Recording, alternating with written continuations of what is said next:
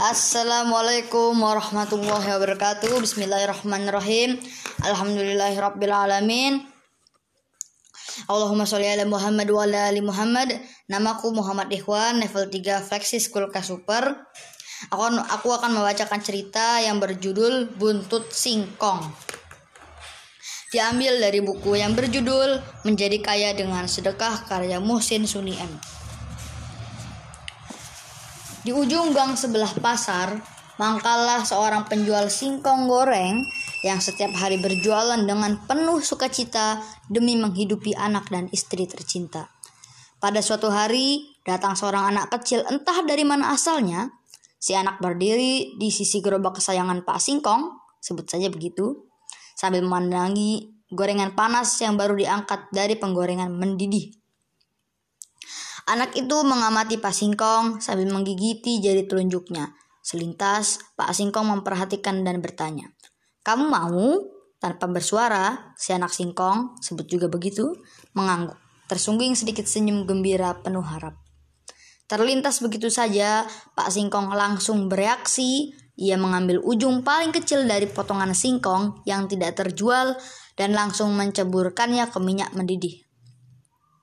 Lumayan daripada terbuang sia-sia karena tidak ada yang mau membeli gorengan buntut singkong. Dengan penuh kegembiraan, si anak singkong melahap buntut singkong goreng gratis dari Pak Singkong. Demikianlah hal itu berulang setiap hari. Sampai pada hari keempat, Pak Singkong tidak lagi kedatangan tamu kehormatannya itu. Sampai akhirnya, dari sebuah mobil yang cukup mewah, turunlah seorang laki-laki muda, gagah, Perlente kata orang Betawi. Sebut saja si tampan. Dia menghampiri Pak Singkong dengan senyum gagah menawan. Gorengan om? Begitu teguran khas Pak Singkong ke setiap pelanggan yang datang. Ya pak, tapi saya mau beli buntut singkong sambil tetap mempertahankan senyum yang gagah. Sambil tersenyum dan tidak kalah gagah, ukuran Pak Singkong, Pak Singkong menjawab sekenanya. Maaf om, saya tidak jual buntut singkong. Si tampan tidak mau kehabisan akal. Ah masa? Katanya sambil pindah ke posisi kanan gerobak Pak Singkong sambil menggigit jari telunjuknya. Masya Allah, subhanallah, sambil melotot terperangah penuh haru. Jadi ini kamu? Demikian kata Pak Singkong sedikit terbata. Ya, ini saya. 20 tahun cukup untuk membuat Bapak lupa sama saya? Jawab si tampan. Setelah empat hari meminta dan makan buntut singkong, si anak singkong merasa cukup tenaga untuk melanjutkan hidupnya. Ia bekerja keras untuk pendidikan dan karirnya hingga akhirnya ia berhasil meraih sukses yang tidak pernah dibayangkan sebelumnya. Singkatnya, sebagai ucapan terima kasih atas segala kebaikan Pak Singkong yang telah memberinya hidup selama empat hari dengan buntut singkongnya, si tampan memberangkatkan haji Pak Singkong, memberinya modal, dan mengangkat derajat kehidupannya. Demikianlah Allah akan membalas segala kebaikan seseorang yang dilakukannya dengan tulus. Demikian juga Allah akan membalas sekecil apa pun perbuatan jahat dengan azabnya yang pedih. Allah memberi rezeki dari tempat yang tidak disangka-sangka kepada setiap orang yang dikehendakinya. Demikian balasan Allah atas perbuatan baik dan sedekah seseorang. Semoga cerita tadi dapat mendorong kita untuk rajin bersedekah. Sekian, terima kasih. Wassalamualaikum warahmatullahi wabarakatuh. Assalamualaikum warahmatullahi wabarakatuh. Bismillahirrahmanirrahim. Alhamdulillahirrabbilalamin. Allahumma sholli ala Muhammad wa ala ali Muhammad. Read aloud pekan kedua, saya akan membacakan cerita yang berjudul Tukang Becak. Diambil dari buku Menjadi Kaya dengan Sedekah karya Muhsin Suni M. Ada seorang pengemudi becak, sebut saja namanya Kasan, yang rutin bersedekah dengan cara unik Kasan selalu menggratiskan atau tidak memungut biaya serupiah pun dari penumpangnya pada setiap hari Jumat. Suatu hari ada seorang ibu kaya, sebut saja namanya Bu Marto, dari kota datang ke desa itu tanpa menawar atau bertanya harga, naiklah Bu Marto ke atas becak Kasan tadi. Setelah sampai tujuan dan ketika Bu Marto menanyakan kepada Kasan berapa ongkosnya, Kasan justru berkata, maaf bu, bukannya saya menolak uang ibu, tapi saya sudah bertekad untuk bersedekah dengan cara menggratiskan biaya tarikan becak setiap hari Jumat.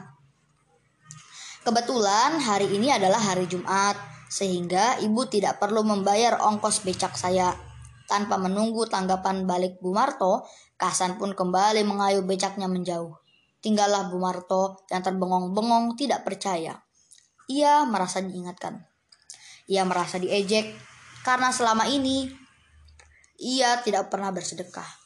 Ia tidak percaya dengan perilaku sedekah Kasan, si pengemudi becak itu, sehingga ia pun berniat untuk membuktikannya lagi. Jumlah Jumat berikutnya, Bu Marto pun kembali mendatangi desa itu. Kali ini hanya ingin membuktikan kebenaran sedekah si pengemudi becak itu. Ia pun sengaja menunjukkan tempat tujuan yang lebih jauh dari Jumat sebelumnya. Dan betul, ketika sudah sampai tujuan, Kasan mengungkapkan hal yang sama, yakni menggratiskan becaknya setiap hari Jumat. Akhirnya, Bu Marto minta untuk diantarkan ke rumah Kasan. Ia ingin sekali mengenal lebih dekat dengan keluarganya. Dengan senang hati, Kasan pun mengayuh becaknya, mengantarkan Bu Marto ke rumahnya. Rumah Kasan sangat sederhana. Ia mempunyai seorang istri yang solihah dan tidak pernah membuka auratnya di muka umum. Kasan memiliki dua orang anak. Dua-duanya masih duduk di bangku SD.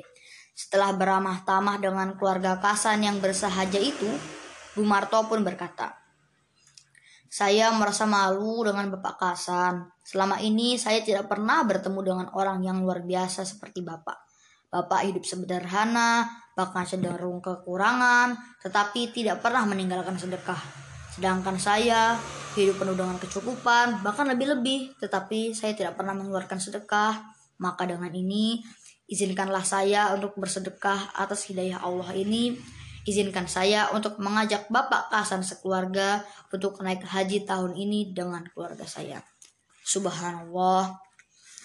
Begitulah, tidak punya harta bukanlah alasan bagi kita untuk tidak bersedekah. Sedekah dapat dilakukan dengan berbagai cara, tanpa mengeluarkan harta atau uang. Tukang becak di atas adalah contohnya, sedekah yang dilakukan Kasan berbuah pergi haji gratis. Semoga cerita tadi menginspirasi kita untuk bersedekah. Sekian terima kasih. Wassalamualaikum warahmatullahi wabarakatuh.